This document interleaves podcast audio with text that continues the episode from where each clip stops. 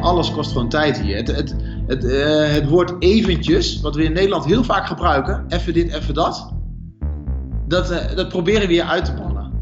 Karen en ik. Dat, dat werkt niet. Je kan niet even hier iets doen. Alles kost tijd. Wat is Swahili voor eventjes? Ja, dat bestaat dus ook niet.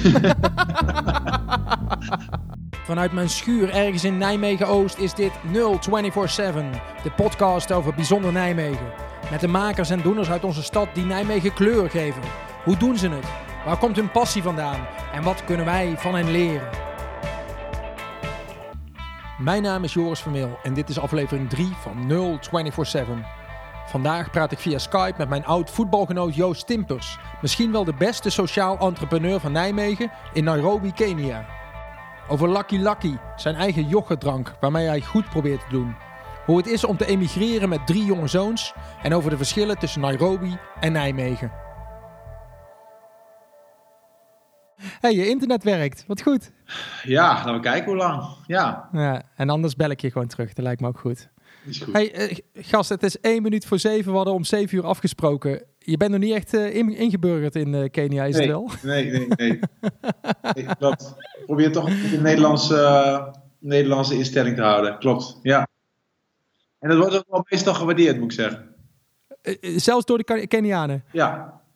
Echt waar? Ja, zeker. Ja. Ze vinden het zelf ook vervelend, maar ze bedenken allemaal smoesjes uh, waarom het niet lukte. En soms zijn er wel geldige smoesjes. Maar ik vind zelf dat ik geen smoesje heb, want ik heb alle geld en alle mogelijkheden om op tijd te komen of uh, dingen op te leveren. Dus uh, ja. En dat voorbeeld wordt gevolgd dan blijkbaar? nou, ik, probeer, ik hoop wel dat het inderdaad ook door werknemers gezien wordt en nagevolgd wordt. Ja, zeker. Cool. Ja. Hey Joost, we gaan, het, we gaan het over een heleboel dingen hebben. Voor de mensen die jou niet kennen, kun je jezelf eens even voorstellen aan de mensen? Doe eens. Kijk, dan komt hij al gelijk. Ik ben Joost Timpers, 42 jaar oud, vader van drie zonen en getrouwd met Karin. En uh, gelukkig man op dit moment in Kenia. En wat brengt jou in Kenia, Joost? Um, wat brengt mij in Kenia? Ja, toch wel een aantal dingen. Uh, meer dan één. Het avontuur natuurlijk. Uh, uh, het verder kijken. Wat er nog meer in de wereld te, te doen is of te leren is. Ondernemerschap brengt mij er ook. Mm -hmm. Vind het leuk om hier een onderneming op te zetten. En natuurlijk ook wel dat ik wellicht hier iets kan toevoegen. Ja. voor andere mensen. Ja. Nou, volgens mij gaat het allemaal aan bod komen, maar waarom specifiek Kenia? Wat heb jij met Kenia? Oh, dat is puur toeval. Neem eens ja. mee. Nou, het is ontstaan uh, vanuit uh, Karin, mijn vrouw die nog een deeltijdstudie deed uh, in, moet ik even hard nadenken wanneer het was, 2004 denk ik hè? Ja, 2004 toen moest zij nog voor de universiteit in Utrecht een scriptie schrijven en toen ehm, ging ze naar Kenia toe. Dus toen dacht ik van nou, wat hek, ik zeg mijn baan op en ik ga met haar mee. En ik ga eens kijken wat daar te doen is en wat daar te beleven is. En nou ja, van het ene rol je in het andere. Dus ik was vrijwilliger bij een weeshuis. En uh, voor je het weet uh, stond ik les te geven en voetbaltraining te geven. Dus ja, Swahili lessen kreeg ik van iemand die op dat moment geen werk had. Dat was een schilder bij ons op de hoek. En de ene dag had hij wel werk en de andere dag had hij geen werk. Dus als hij geen werk had, dan zei ik van nou weet je wat, dan geef je mij Swahili les en dan geef ik je wat geld. En uh, ja, ik vond het ook leuk om uh, ondernemers te helpen om na te denken hoe ze hun, uh, hoe ze hun bedrijf op konden zetten. Dus ja, zo, zo vulde ik mijn dag in Kenia. Dat was allemaal in die eerste periode dat Karen aan het studeren was. Heb jij dit allemaal gedaan? Ja. Hoe lang zat je, hoe lang zat je er toen? ik denk dat het toen een half jaar was. Oké. Okay. Ja. Wat zijn de drie mooiste Swahili woorden die jij kent? pole pole. ja. Dat is, doe het rustig aan, uiteraard. Pole pole. Oké. Okay. Dan hebben we uh, Boda Boda. Boda Boda, oké. Okay. Uh, uh, Boda is een beetje afgeleid van het Engelse border. Dus dat betekent grens. Grens. En uh, dit gaat dus over een taxi die van grens tot grens gaat. Van Boda naar Boda. dus dan hebben we nu Pole Pole gehad. Boda Boda. En de derde is natuurlijk Lucky, lucky. Lucky, lucky. Yes. Ja, ik heb, het, het, be- het betekent man-man. Klopt dat? Of Ja, wat is het? eh, in het Indonesisch. Dus eh, die taal die hebben we hier niet. Dus ik krijg inderdaad af en toe wel eens wat eh, Facebook aanmeldingen van dames die denken dat ik beschikbaar ben. Maar ehm, in het Swahili bestaat het woord lucky lucky niet. Ehm, het woord lucky bestaat wel in het Swahili. En dat betekent samenkomen. Ah, kijk aan, kijk aan. Maar daar heeft het echt helemaal niks mee te maken toen ik het bedacht had. Of sterker nog, ik zit mezelf nu eh, aan te prijzen. Maar een vriend van mij die heeft het bedacht, het woord. Het is zo'n leuk woord en het blijft zo goed hangen in ieders eh, brein. eh, dat het, het was eerst een werknaam en uiteindelijk is het gewoon de, het merk geworden. Ik, wat, wat zegt het dat jouw drie lievelingswoorden dubbel zijn? Dat is helemaal niet efficiënt. Nee, dat was, was eigenlijk helemaal niet bij mij, hè? Nee. Nee, precies. Jij bent super efficiënt Ja, eigenlijk. Ja. Hey, maar eh, half jaar, je, je, je hebt daar eh, les gegeven, je hebt daar Swahili een beetje geleerd, je, je hebt Kenia leren kennen en toen was je terug in Nederland. En, en normale mensen die gaan dan weer gewoon aan het werk en die gaan weer normale dingen doen. Maar bij jou bleef het hangen, denk ik, of niet? Wat gebeurde er? Ehm, ja, ik ben ook wel weer gewoon aan het werk gegaan, want ik kon gelukkig terugkomen bij mijn oude werkgever. Maar er bleef inderdaad ook wel iets hangen van, van Kenia, klopt. Ja, ik had op een weeshuis gewerkt, dus eh, ik was sowieso eh, eh, enthousiast over kinderen geworden. Dus volgens mij binnen een jaar is ook mijn eerste zoon Noah geboren.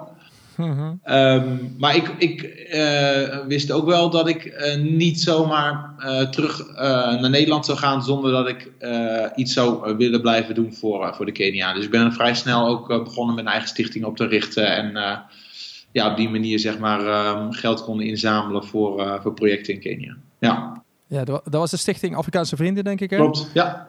Wa- Wat, wa- die bestaat nog steeds? ja. En, en, wat doet die voor de Kenianen? Vertel eens. Ehm, we hebben eigenlijk twee dingen. We ehm, helpen ondernemers met microkredieten. En we hebben in het verleden eh, aardig wat eh, ondernemers mee geholpen. Ehm, en we helpen weeskinderen met eh, schoolgeld. En natuurlijk En- doen we nog wel meer dingen voor die kinderen. Want ze hebben ook uiteindelijk een matras nodig en een uniform nodig als ze naar school gaan. Want eh, ze gaan naar boarding school. En het weeshuis heeft ook bedden nodig als ze in de vakantie terug naar het weeshuis komen. En eh, ze hebben eten nodig. Maar ehm, ja, we geloven wel vooral in eh, ontwikkeling. En ontwikkeling kan op twee manieren: door ehm, mensen op te leiden en ehm, ja, bedrijfjes te starten waarin mensen zich kunnen ontwikkelen in hun eh, werknemerschap. Ja, dit zijn dingen die jij gewoon s'avonds deed na je werk. Je werkte 40 uur. Deed jij, hè? Nee, volgens mij ben ik na Kenia ben ik minder gaan werken. Dus toen heb ik al gelijk mijn papadag uh, inge... Ingezet. Zeg maar, maar de maandag had ik al vrij toen. Ja. Je hebt je papadag opgenomen om te gaan zorgen voor Kenia. Ja. Ehm, dit deed je er allemaal naast. Uiteindelijk kwam er ook nog een, een, een Lucky Lucky plan. Wanneer was dat? Ja. Ja. Dan gaan we een stap in de tijd, denk In ik. hè? 2005 ben ik teruggekomen naar Nederland. Toen ben ik gewoon aan het werk gegaan, stichting opgericht. En pas in eh, 2012 zijn we teruggegaan naar Kenia om een bedrijf op te richten. Maar eh, dat heeft best wel een aanloop gehad. Ik denk 2009 ben ik begonnen met het schrijven van een businessplan. Ja. Dus dat is alweer een aantal jaren later eigenlijk na 2005. Ja. Want, want wat voor idee had je? Vertel eens. Ehm, nou ja, mijn ervaring met, eh, met weeshuizen was, ehm, was, was, was leuk. eh, om, die, om die kinderen te kunnen helpen en met ze te spelen en eh, te sporten en les te geven. Dat, dat doet echt wat met je als mens. Maar ik zag ook wel dat het een ehm, ja, soort, hoe noemen ze het ook alweer, zo'n zo'n hete plaat met een druppeltje water was. En ja, dat het ook nog niet heel duurzaam is. En ik heb dus na zitten denken van nou, hoe zorgen we nou dat we minder afhankelijkheid creëren? Eh, met name van donaties uit het Westen. Hoe, hoe kunnen weeshuizen nou hun eigen broek ophouden? Hè, hoe kunnen ze nou zelf voor zorgen? Want ze zijn niet zielig. Ze kunnen ook gewoon verantwoordelijkheid eh, nemen. En eh, we moeten ze gewoon een beetje helpen met wat kennis en misschien ook een beetje geld. Maar dat ze in ieder geval uiteindelijk niet elke keer meer om geld hoeven zeuren bij ons. Dus ehm, een vriend van mij die heeft ook een weeshuis opgericht in 2005. Ehm, in Kenia, die heb ik hier leren kennen. En die is eh, met dat idee meegegaan door zelf een boerderij te gaan starten met, eh, met koeien. En ehm, toen werkte ik bij Friesland Campina. Toen ik terug in Nederland. En toen ben ik met dat ideetje gaan spelen van... Hey, hoe kunnen we nou ehm, die melk omzetten in uh, ja, meer waarde. Hè, dus bijvoorbeeld met yoghurt of kaas. maar hoe kunnen we tegelijkertijd ook een product maken waarop een toerist die bijvoorbeeld naar Kenia komt zich bewust is van hey, wat er nog meer in Kenia gebeurt, behalve dat er prachtige natuur is, een mooie safari en mooie stranden. Maar dat er ook een hele andere kant is. Dus kan ik met dat product ook diegene die zo'n mooie reis maakt in Kenia bewust maken van de andere kant? 2005 zeg jij dat die vriend van jou dat, uh, die boerderij startte. Ja. 2009 jij je plan gemaakt. Uh, en, en, dan, wat, wat gebeurt er dan? Dan ga je kijken of je er yoghurt van kan maken? Of ga je op zoek naar een fabriek? Hoe gaat zoiets? Um, ja, die dingen die werden inderdaad allemaal gedaan, ja. Ja, het begon natuurlijk met een businessplan. En um, ja. Um, dat businessplan, uh, dat is een stuk papier. En vervolgens, uh, nou ja, dat is natuurlijk wel vaker met uh, ideeën die in iemands hoofd of in hoofden van mensen ontstaan. Daarna moet het of werkelijkheid worden of komt het in een la terecht. En um, um, ja, ik was denk ik wel te trots om het zomaar in een la te stoppen. Dus ik had gewoon geld nodig op een gegeven moment om het businessplan ook daadwerkelijk werkelijkheid te laten worden. Dus Volgens mij was net een beetje die tijd ook dat die crowdfunding uh, manier om geld in te zamelen inkwam. Uh, dus dat heb ik gedaan.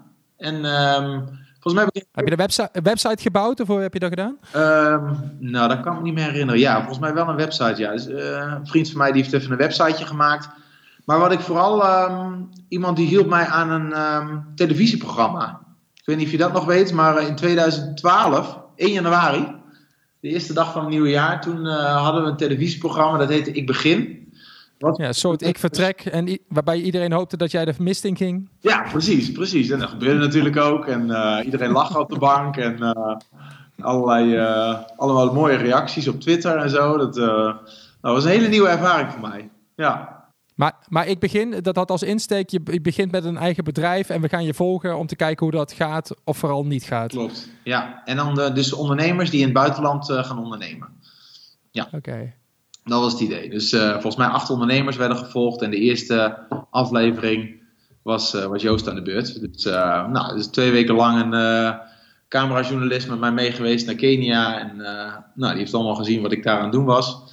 Um, maar goed, eh, dat was een, uh, op zich best een leuke ervaring. Met af en toe ook hele vervelende momenten natuurlijk. Maar het hielp wel enorm om die crowdfunding campagne te boosten. Dus ik had in no time had ik eigenlijk mijn startkapitaal bij elkaar. Want hoeveel had je nodig om te starten? Volgens mij was het toen iets van 40.000 euro. En wat kon je daar dan van doen? Um, nou, het idee was dat ik niet een eigen fabriek ging bouwen om kosten te besparen, maar dat ik ergens een stukje productiecapaciteit van een bestaande fabriek kon huren in de buurt van de boerderij. Uh, dat lukte.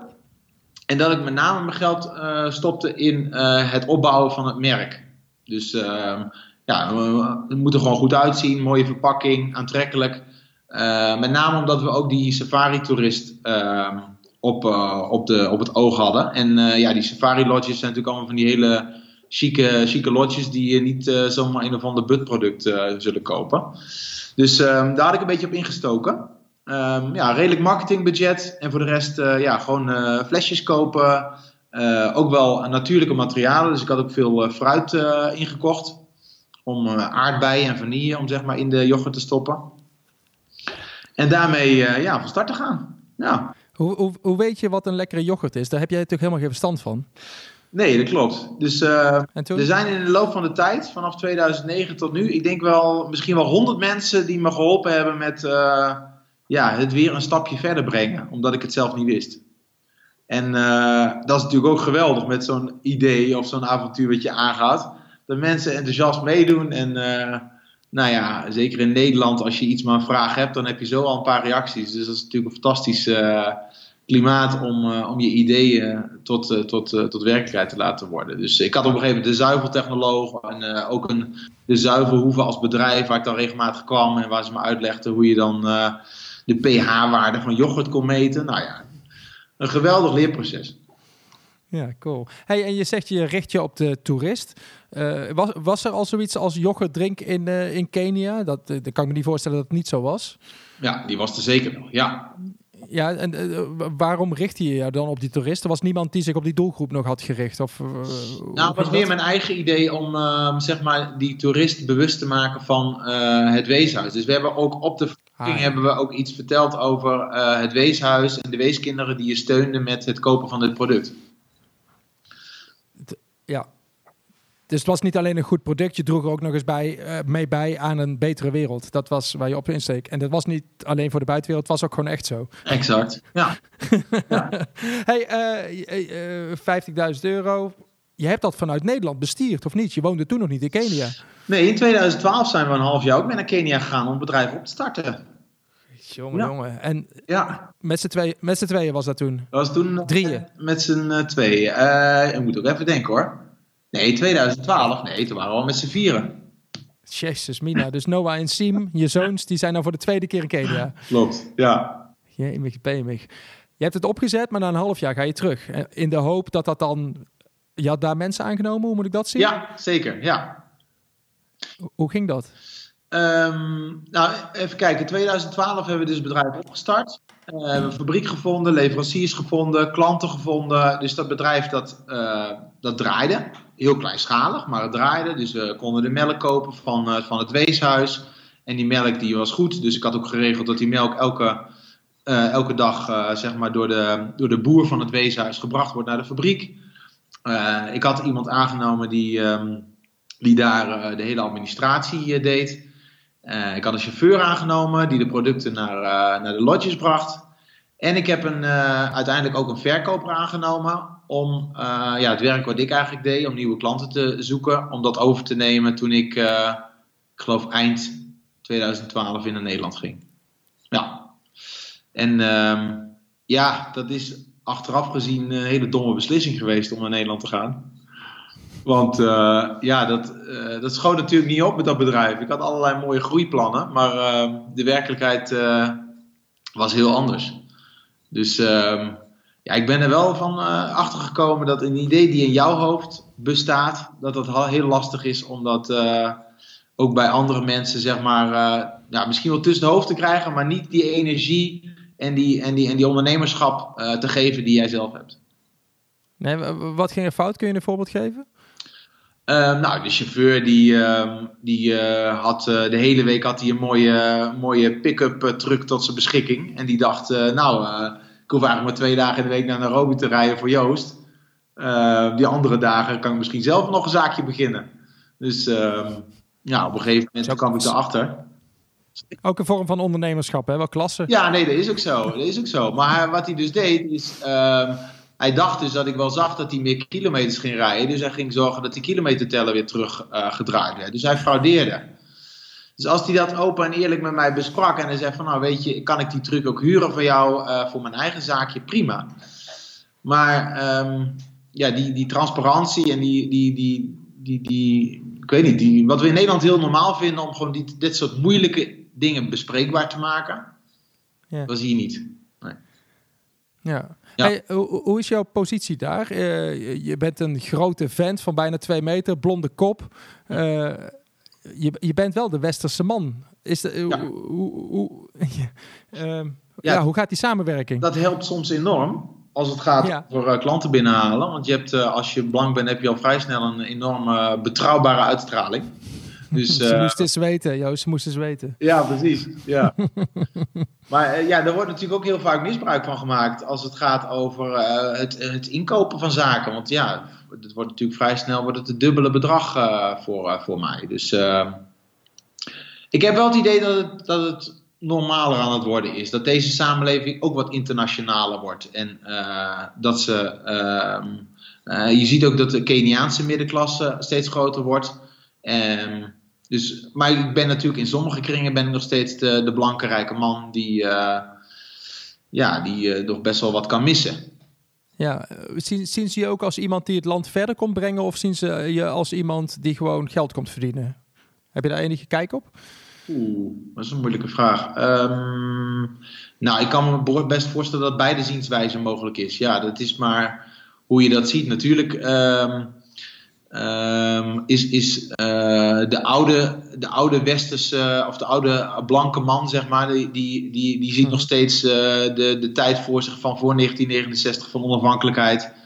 Ehm, en ja, die kijkt ernaar van, ja, we, willen, we kunnen het nu zelf wel. Ehm, en, en mensen die enorm veel hulp nodig hebben, die, die zien juist van hé, hey, ik kan Joost gebruiken om verder te komen en om het land verder te helpen. Ja. ja ik heb bijvoorbeeld nu heel veel moeite om een werkvergunning te krijgen. Dus Kenia is ook wel echt wel bezig om uh, ja, de interne arbeidsmarkt goed te beschermen en te zeggen van ja, we hebben voldoende arbeidskapitaal hier in uh, Kenia. ja, laten we eens kritisch kijken of we deze, deze westerse inmenging wel nodig hebben. Terwijl dat in 2012 geen enkel probleem was, kan ik me zo voorstellen. Nee, Nee. Toen kwam je gewoon makkelijk binnen. Klopt, ja, dat is een razendsnelle ontwikkeling, ja.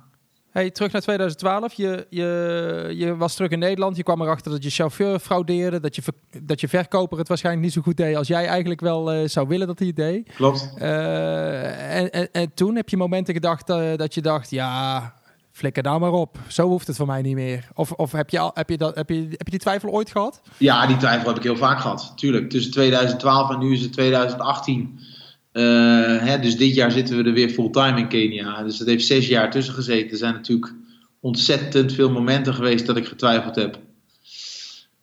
Maar goed, ja, we doen het nog steeds. Ja, ik weet ook niet wat het is. Ja. Nee, weet je echt niet wat het is? Wat geeft de doorslag? Um, wat geeft de doorslag? Ja, ik kan denk ik slecht tegen mijn verlies. En um, ik vind het ook nog steeds heel leuk. Ja, maar de, ah, de, afgelopen jaren woonde je in Nijmegen, in Beek uh, uiteindelijk, Urbergen. Ja. Je hebt, de, de business is doorgegaan. Je hebt het geprobeerd te laten groeien. Je reisde regelmatig op en neer naar Kenia. Ja je hebt altijd wel een plan gehad om, om naar Kenia te gaan. Maar volgens mij was er een mevrouw Karen die daar tegenop zag. Hè? Ja. Tot afgelopen jaar. Wat, wat, hoe, hoe zijn die afgelopen jaren gegaan? En hoe, hoe, hoe zijn jullie daar naartoe gegroeid? Kun je daar iets over vertellen? Um, nou ja, dat, dat was inderdaad ook natuurlijk de reden ook dat we weer teruggingen in 2012. Want als je nu terugkijkt, is natuurlijk uh, als je net een bedrijf opstart uh, en na een half jaar weer teruggaat uh, hele domme en rare beslissing. Maar ja, mijn, mijn uh, gezin was toen in 2012 niet in staat om hier in, Kenia zich ja, gelukkig te voelen, lekker te voelen. Met name inderdaad mijn vrouw dan. Heeft geprobeerd om werk te vinden hier bij de Verenigde Naties. ja, is niet gelukt. Um, en um, ja, wilde toch graag weer terug naar Nederland. Um, en dat, dat is zo gebleven tot, tot vorig jaar, tot 2017. En wat is dat geweest? Uh, ik denk toch um, ja, dat je ouder wordt, dat je uh, ja, weer andere ideeën en inzichten krijgt. Um, en um, ja, toch ook weer een verlangen krijgt om weer een nieuw avontuur op te starten. En misschien toch altijd achter in je achterhoofd denkt van ja, wat als we het wel zouden doen? Zou dat ja, wat, wat zou dat bieden? Want we hebben natuurlijk jarenlang hebben we het niet gedaan. Van 2012 tot 2018 hebben we het gewoon uh, ja, een beetje als een side business en met name vanuit mij gedaan. En um, ja, het leven in Nederland uh, hadden we op een gegeven moment ook wel van, ja, is dit het? Uh, we, zijn, uh, we hebben een druk gezin, we hebben allebei een drukke baan. Um, hoe gaaf zou het zijn als je veel meer tijd samen zou hebben? Nou, dat hebben we nu, nu we samen in het bedrijf zitten. Dus dat soort ideeën uh, zijn denk ik in de loop van de jaren ontstaan en uh, hebben de weegschaal weer iets meer richting Kenia gebracht. Wat was uh, het moment dat, dat je vrouw zei: Joost, zullen we het doen? Weet je het nog waar dat was? Ja, nee, ik heb nooit van dat soort momenten. Dat is toch meer een glijdend. Misschien is zo'n moment best wel geweest hoor, maar. je kan het niet meer herinneren. Ik kan me niet herinneren, nee. nee. Hey, en dan, dan ga je het de jongens vertellen. Of heb je het eh, overlegd met de jongens? Je hebt drie zoons. Help me eens, hoe oud zijn de jongens? Uh, Noah is de oudste, die is 12. Die, gaat nu, uh, die zit nu in de brugklas, zeg maar, in Nederland. Nou, hij zit in Kenia. Dan zou ja. op het Montessori College zitten. En nu zit hij inderdaad op het Brayburn Garden Estate. dan hebben we Simpi. Sim die zou in groep 4 zitten, dus die is 7. En die jongste Florian, die is 5. Dus die uh, zit nu in uh, groep 2 in Nederland. hoe, hoe, ging dat? Heb je het ze verteld? Heb je overlegd? Hoe gaat zoiets met, uh, met de jongens van die leeftijd? Um, ik denk dat we het uh, in eerste instantie niet verteld hebben. En toen we allebei serieus uh, het gevoel hadden van oké, dit kon wel eens wat worden, we gaan ervoor. Toen hebben we met, met name met de oudste zoon besproken. En?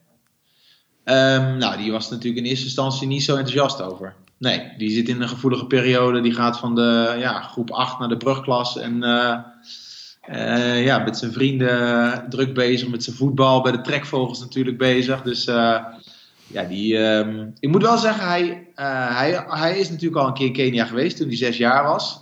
Heeft hij ook op de Nederlandse school gezeten, die hier, die hier ook is. Zit hij nu niet meer op. Dus hij had wel wat positieve ervaringen. En zijn karakter, um, uh, dat, dat hij wel open staat voor nieuwe dingen, heeft hem ook wel geholpen om er uh, niet gelijk heel afwijzend tegenover te staan. Ja. Dus um, we hebben absoluut geen, uh, geen, ja, geen dramatische strijd of, of huilbuien in, in huis gehad van waarom willen we nou naar Kenia? Helemaal niet. Nee. Cool. Ja. Hey, en dan dan weet je dat je gaat. Je werkt toe naar een moment. Wat moet je dan allemaal doen vanuit Nederland om ervoor te zorgen dat je een, uh, een zogenaamde zachte landing hebt? Je, je, moet een huis hebben, kan ik me zo voorstellen. Wat, moet je nog meer? Werkvergunning had je het net over? Ja. Nou, we hadden eigenlijk niet zoveel. We hadden, uh, ik ben één keer met, met Noah, mijn oudste zoon, uh, naar Kenia gegaan om op scholen toch te gaan. Want we vonden zelf, zelf wel heel belangrijk dat hij in ieder geval op een leuke middelbare school terecht kwam. Um, dus dat, um, dat hebben we geregeld. En we hebben een huis geregeld voor de eerste maand. Dus dat we in ieder geval zeker wisten van oké, de eerste maand zitten we daar.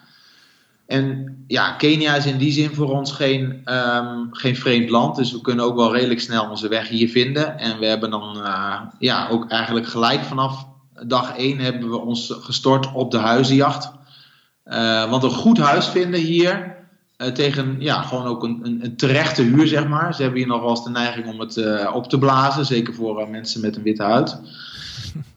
dat kost wel even tijd. Een goed huis, ja, de meeste huizen zijn, ja, of ze zitten onder de termieten, of er is geen water of geen elektriciteit.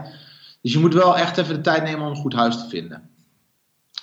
dus daar hebben we een maand hebben we daarover gedaan. En toen hadden we een goed huis. En nou, de school die hadden we. En dat zijn denk ik de twee belangrijkste zaken. Natuurlijk het hele financiële plaatje rondkrijgen. Uh, dat zijn eigenlijk de belangrijkste dingen die we geregeld hebben vanuit Nederland. En een ticket natuurlijk. Maar wat betekent dat, financiële plaatje rondkrijgen? Voor wat? Om te kunnen, ja, om te kunnen gaan? We hebben weer een businessplan geschreven. En we hebben weer investeerders gezocht om uh, het bedrijf uh, levensvatbaar te maken. Uh, met ook daadwerkelijk voor ons een wat langere toekomst hier. Want je kan natuurlijk wel geld in blijven stoppen, maar dat is ook niet de bedoeling. Um, we hebben um, ja, er niet voor gekozen om in een, een sloppenwijk te gaan wonen. Dus we hebben wel inderdaad een goede school. Uh, we hebben een, een, veilige huis waar, het gewoon, ja, waar we ons niet zorgen hoeven te maken over inbraken en dat soort dingen. En wat betekent dat? Dat er een hek om je huis staat? Of uh, dat je op een compound zit? Hoe gaat zoiets? Ja, we zitten uh, inderdaad met een hek op ons, om, ons huis. En op dat huis zit weer elektriciteit, zeg maar. Dus ze kunnen echt niet binnenkomen of ze moeten de elektriciteitsdraden doorknippen. Maar um, ja, dat is ten eerste wel een, een belangrijk veilig, veiligheidsding. En het andere is dat we... We, hebben, uh, we zitten niet op een compound, we zitten wel echt tussen uh, de Kenianen. Maar we hebben wel een straat uh, waar zeg maar aan het begin en het eind een hek is. En waar ook een beveiliger bij staat bij dat hek. En die dus alleen de mensen die hier wonen of bezoek toelaat tot, tot de straat. Maar dan zijn het hogere segment Kenianen, moet ik het zo zeggen? Ja, klopt. Ja, ja. Hey, en als, als die jongens buiten op straat willen spelen, dan kan dat gewoon overdag? Ja, dat kan gewoon, ja. Puur, ja. puur voor s'avonds dat, dat, dan, uh, dat, dat de boel op slot gaat. Ja, om 7 uur wordt die stevast donker.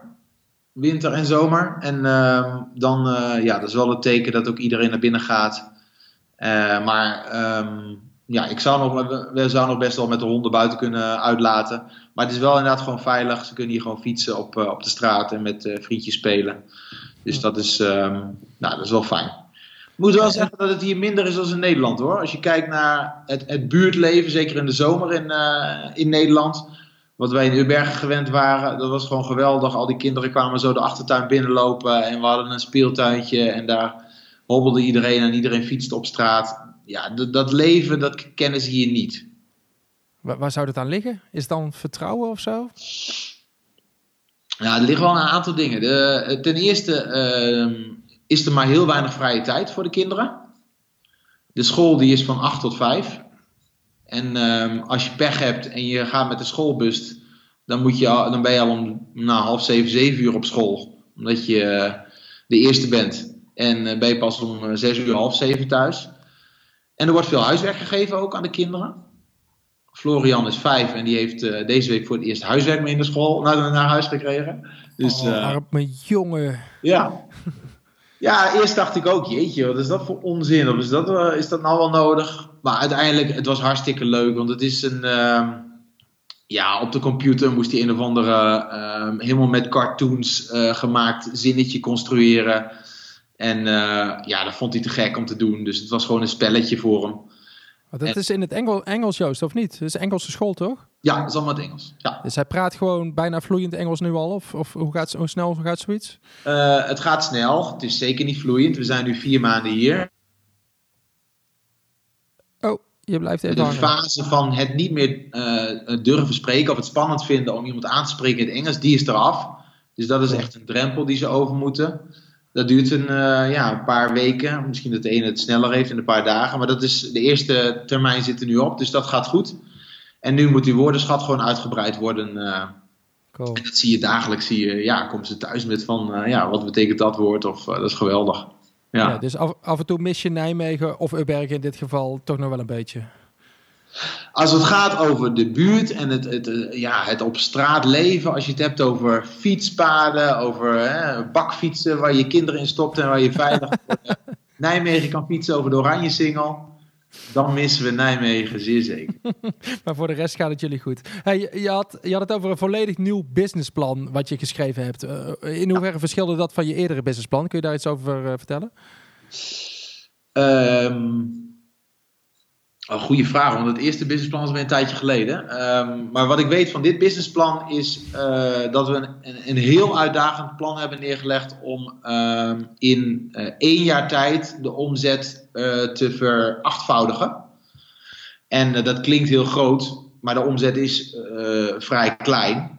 Of was vrij klein toen we hier in augustus kwamen. Die is, inmiddels is die verviervoudigd. Dus je moet je voorstellen uh, we, verdien, we, we, maakten een omzet van 2000 euro per maand in augustus. Ja, want even één stap terug, Joost. Uh, je, je verkoopt yoghurtdrankjes aan, uh, aan, aan, grote hotelketens, zodat die ze aan toeristen kunnen verkopen. Klopt of niet? Ja, inmiddels is de markt wel wat breder geworden. We hebben zeker een aantal ja, grote lodges.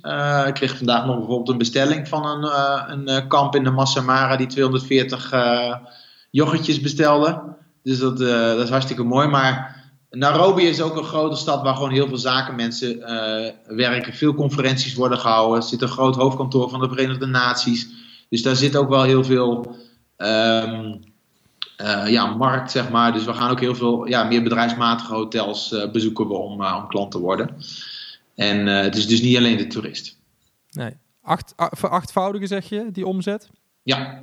Wat is jouw rol daarin en, en, en, wat is Karens rol? Want jullie doen het nou met z'n tweeën, uh, geloof ik. Ja. Vertel eens. Ja, nou ja, dat is dagelijks is dat natuurlijk een discussie van uh, wat is jouw rol en wat is mijn rol. Uh, we hebben wel de wat... afwas. Ja, precies. de, de, de piketpaaltjes zijn wel wat neergezet. Karen heeft helemaal niks met, met, met, met verkoop en met sales. En ik vind dat hartstikke leuk. Dus ik ga natuurlijk vaak de boer op om kijken of nieuwe klanten kan binnenhalen. En Karen vindt het leuk om, uh, om allerlei dingen te regelen. Dus die is meer uh, van uh, de operatie. Die gaat wekelijks naar de fabriek toe om af te stemmen wat er gemaakt moet worden. En die gaan naar de leveranciers om nieuwe flesjes of nieuwe verpakkingen of etiketten te halen. en um, dan hebben we ook nog een markt ehm, van thuisleveringen. Dus dan leveren we aan, aan huishoudens. En daar heeft zij wel meer gevoel bij. Daar komt redelijk wat ja, voorbereiding bij kijken. Dus we maken netjes uh, uh, tasjes klaar waarin yoghurt zit en kaas zit. En misschien wat andere producten die we daar willen toevoegen. Dus dat maakt ze netjes klaar samen met mensen. En dan zorgt ze dat het getransporteerd wordt op tijd bij de, bij de huishoudens terechtkomt. want dat is natuurlijk ook nog weer heel wat hè, in Kenia. Ik bedoel, we hebben, in Nederland hebben we gewoon straten en huisnummers en Google Maps. En hier, moet je, hier is het gewoon een avontuur om te vinden welk adres je moet zijn. is niet zo efficiënt uh, als bij ons. Nee, dat is niet zo georganiseerd nog. Maar dat is, dat is ook wel heel leuk om dat allemaal te ontdekken. En zij is verkeerskundige, dus daar is zij ook gewoon heel sterk in. Om, om ja, die, die mensen die je moeten brengen, om die instructies te geven hoe ze moeten rijden.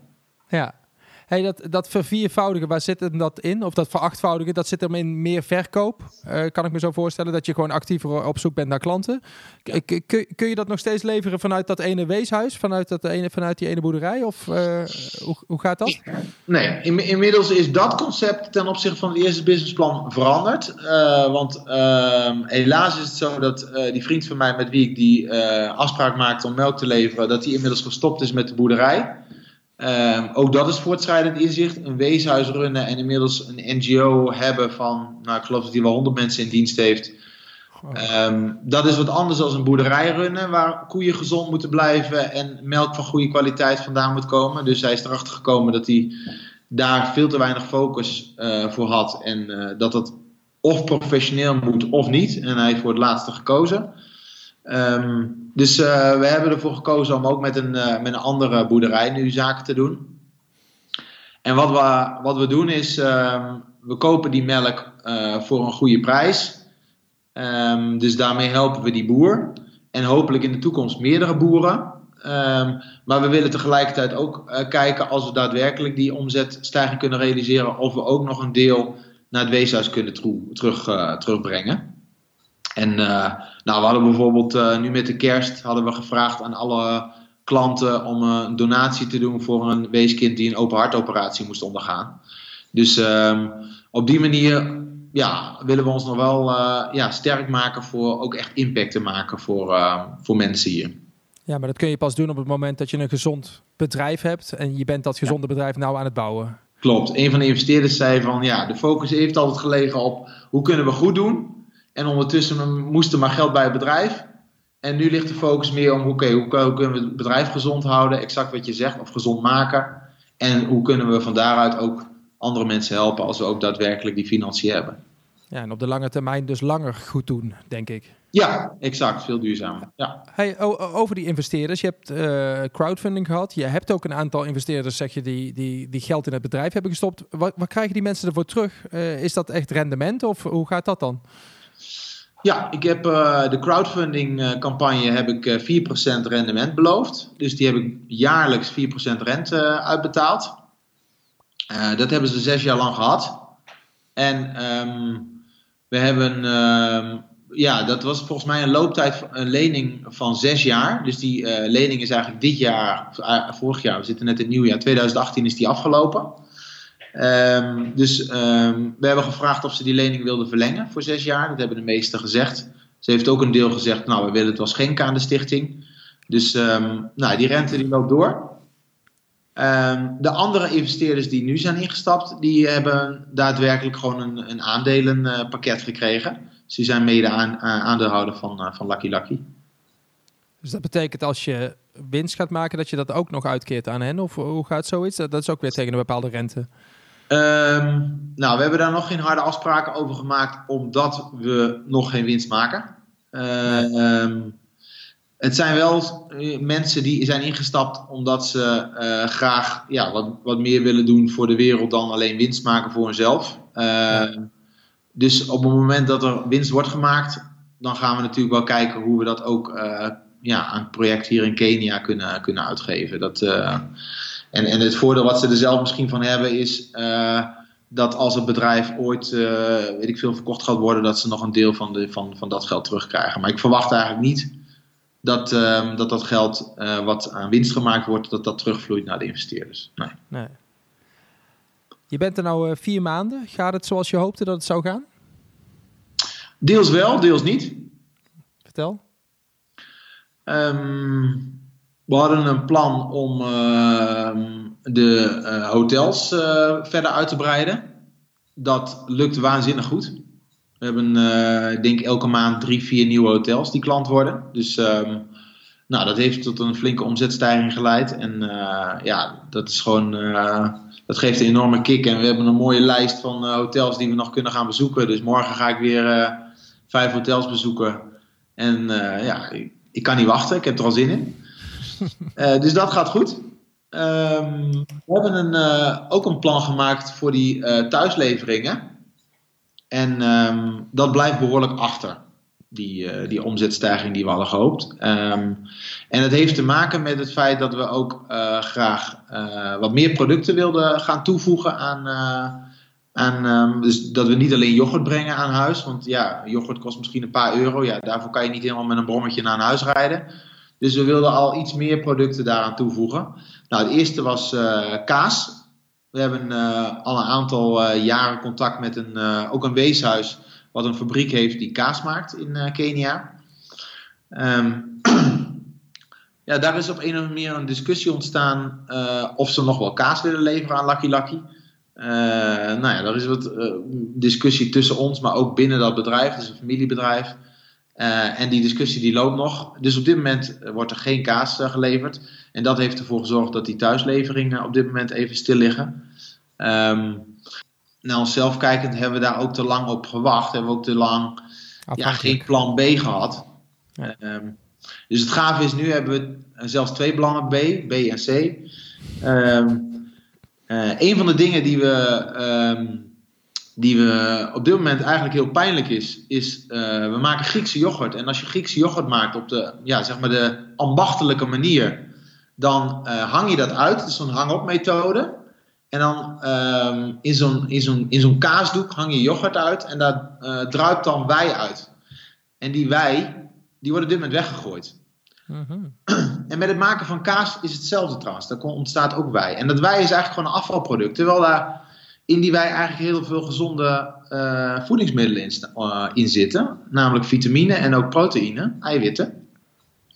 En ik ben al een aantal weken bezig om een sportdrankje te ontwikkelen. Met als ingrediënt die wij. En uh, dat sportdrankje is bijna klaar. De receptuur die is, die is, die is redelijk tot af. En we zijn nu nog bezig om een strakke verpakking te ontwikkelen. En ik heb al een aantal ehm, gyms bezocht, fitnessen of ze geïnteresseerd zijn om zo'n wijdrankje te verkopen. Want ja, ik weet niet of je een beetje thuis bent in die, in die sportscholencultuur van, uh, van die wijpoeders, al die uh, bodybuilders. Nee, ik zie je nee schudden. Ja, die, die, die zijn alleen maar bezig om, om, om proteïne te eten, om maar uh, zeg maar die, die, die hoe noemen ze dat, die muscle mass, of die, die spiermassa zeg maar verder te ontwikkelen. En, um, Jouw afval kan het daarbij helpen. Mijn afval kan erbij helpen. Bizar toch, dat we dat gewoon weggooien, ja. Ja, mooi. Dat is plan B?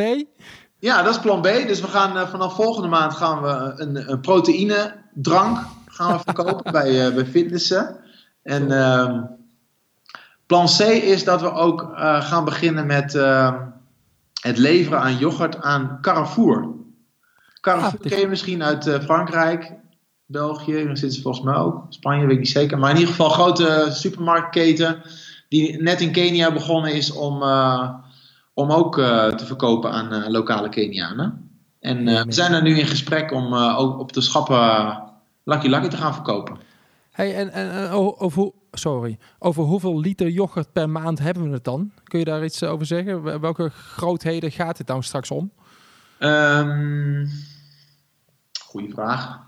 zou ik eigenlijk even mijn businessplan erbij moeten hebben. Mijn vrouw die doet ook de accountancy, dus die is ook beter in cijfers als ik. Hij pakt de iPad erbij. Ja, ik, uh, ik moet even rekenen. Ga maar eens uit van uh, eh, 500 liter yoghurt per dag. Zo die jen. Ja, dat is echt veel hoor. Dat is echt een hele hoop yoghurt. Dat is 15.000 liter per, per maand. 15.000. Ja. Correct, ja. Dank je. Ja. en dat voor iemand die van de letters is, Joost, hier. Wauw. 15.000 en dat wordt dus nog veel meer. En, en, en dat ene bedrijf kan dat dus ook aan om te leveren? Of heb je straks daar, je hebt er straks hopelijk meer nodig, dus zeg je? Ja, ja. Cool. Nou, ik denk, uh, dit is de projectie voor, uh, voor juli, voor juli 2019, die 500 liter per dag. Dat kan de huidige boerderij kan dat aan. Ja. Cool. Waar we mee werken. En dat vind ik ook een heel fijne gedachte, dat we in ieder geval voorlopig verzekerd zijn van melk. Want dat is natuurlijk uh, het ergste als je aan het ondernemen bent en aan het verkopen bent en aan het groeien bent, dat je in één keer geen melk meer uh, hebt. En die melk moet ook nog van goede kwaliteit zijn. Ja, Want ehm, ja, hier in Kenia hebben ze nogal de neiging om eh, de mel- melk een beetje te, aan te lengen met water, zodat ze dan wat meer centjes kunnen krijgen bij de corporatie. Maar dat proef jij of hoe gaat zoiets? Nee, wij meten dus de, of het daadwerkelijk of het goede kwaliteit is. Ja. En eh, ook bacteriën is ook heel belangrijk. Hè? Dus je moet je voorstellen, ja, die koeien die liggen daar niet altijd in de schoonste stallen. Ze zijn trouwens flink aan het investeren om hele mooie stallen te maken. Maar ja, die, die uiers die moeten echt goed schoon zijn. Wil die melk ook gewoon zuiver zijn. En die koe die moet niet ziek zijn. Want anders is die melk, zit daar ook van alles in. Eh, geen antibiotica moet hij gebruiken, wat ook nog regelmatig gebruikt wordt. Om de koe in ieder geval gezond te houden. Dus er zijn best wel eh, ja, dingen om eh, mee rekening te houden, wil je goede melk krijgen. Even voor de mensen die jou niet kennen en nou luisteren. Jij was in Nederland geen boer, jij was lean consultant. Klopt hè? Ik was inderdaad, ik, ja, ik ben nog steeds lean consultant, lean trainer, absoluut. Ik ga, ik ga dit jaar ga ik nog naar eh, Nederland om een aantal lean trainingen te geven. Ja, zo is de werkelijkheid ook alweer. Over een plan B gesproken. Ja, Om geld te verdienen bedoel je? ja zeker. Ja. Echt waar? Wauw. Ja. Hey, en eh, dat lean consultant, je hebt nogal een blauwe kant in je natuurlijk. Eh, word, word, word jij niet gek van die chaos af en toe in Kenia? Of valt het eigenlijk wel mee? Ik word af en toe wel gek van de chaos en van, de, ja, van het gebrek aan, aan, aan, aan structuur en aan planmatigheid.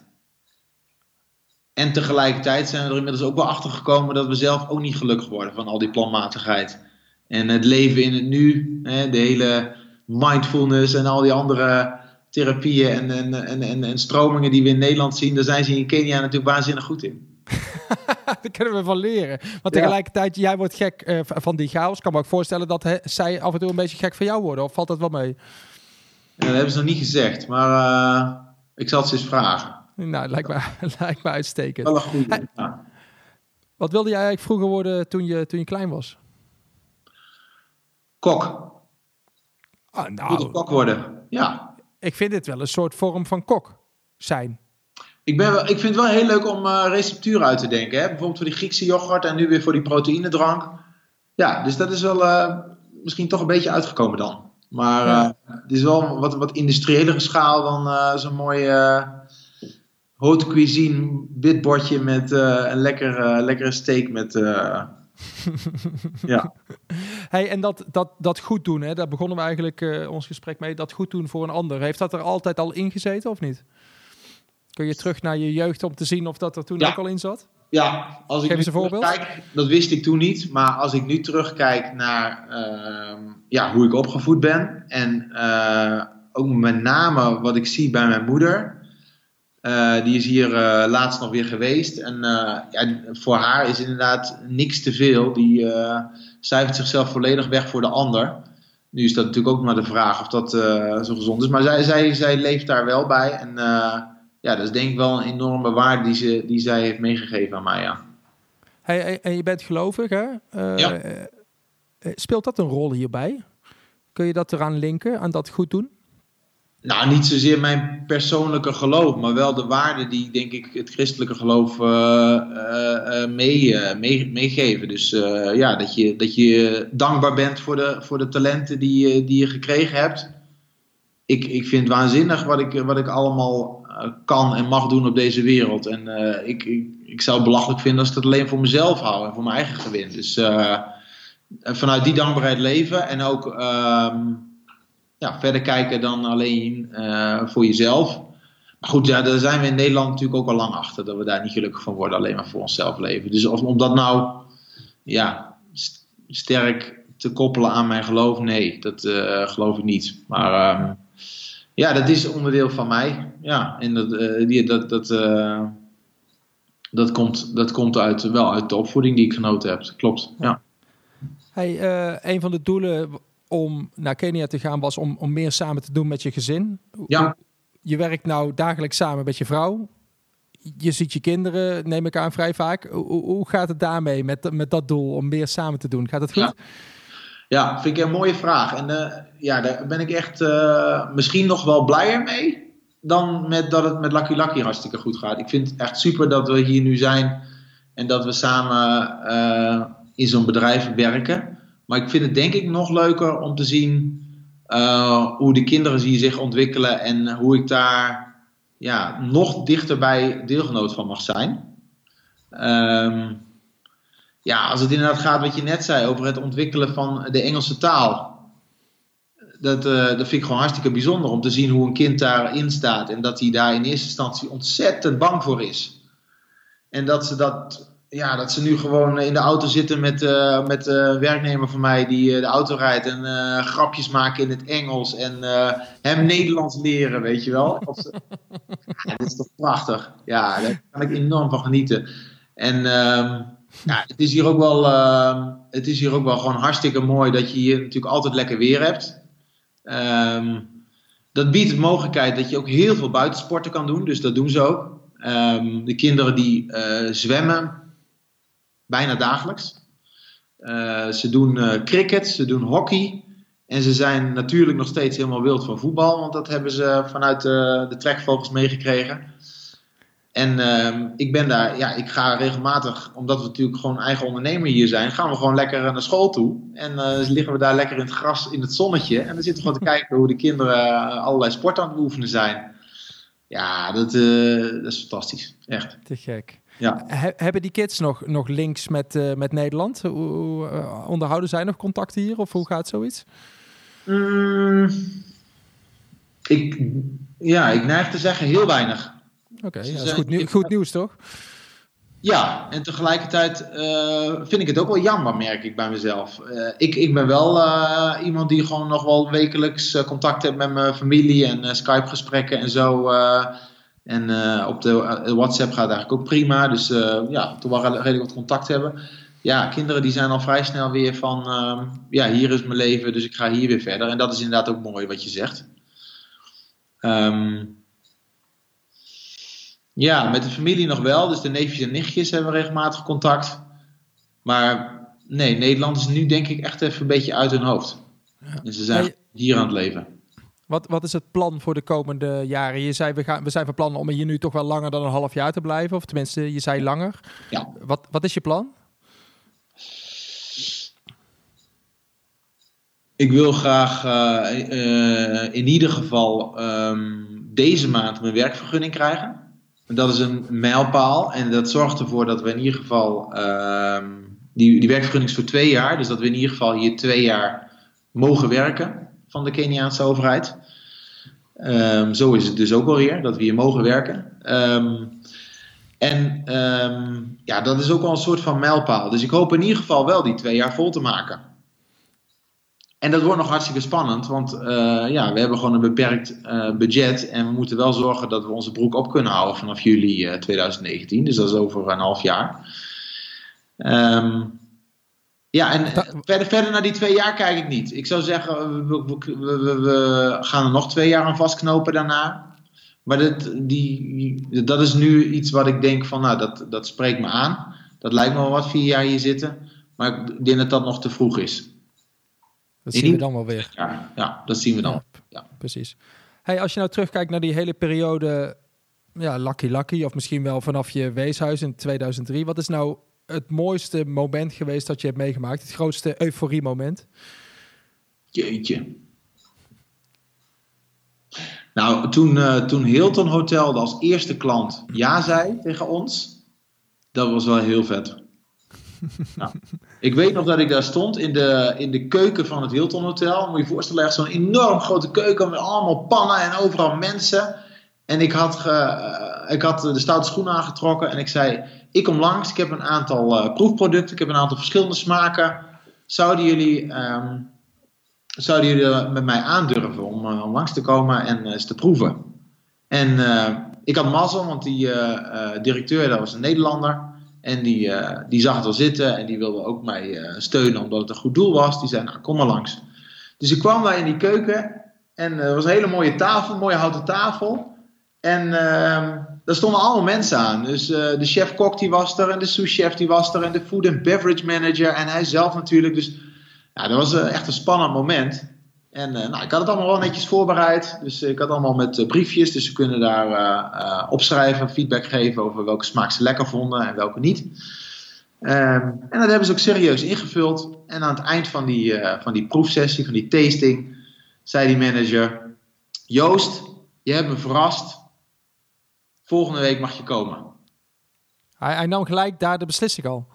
Zie je? Ja, hij nam gelijk de beslissing. Ja, hij nam gelijk de beslissing. Ja. ja, was wel ook echt een man die al jaren in de hotelbranche werkzaam was. En die keek natuurlijk ook naar zijn personeel, hoe die reageerde en zo. En uh, die zag wel van, nou, dit is gewoon een goed product. Uh, Joost is uh, ja, betrouwbaar, dat moet goed zijn. Dus we gaan ervoor.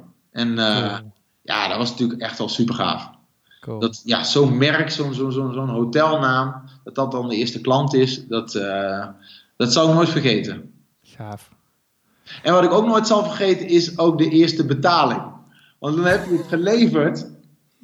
En ja, het is niet zo dat je nou gelijk je geld hebt. Dus en zeker hier in Kenia, je moet echt vechten om je geld te krijgen. Serieus.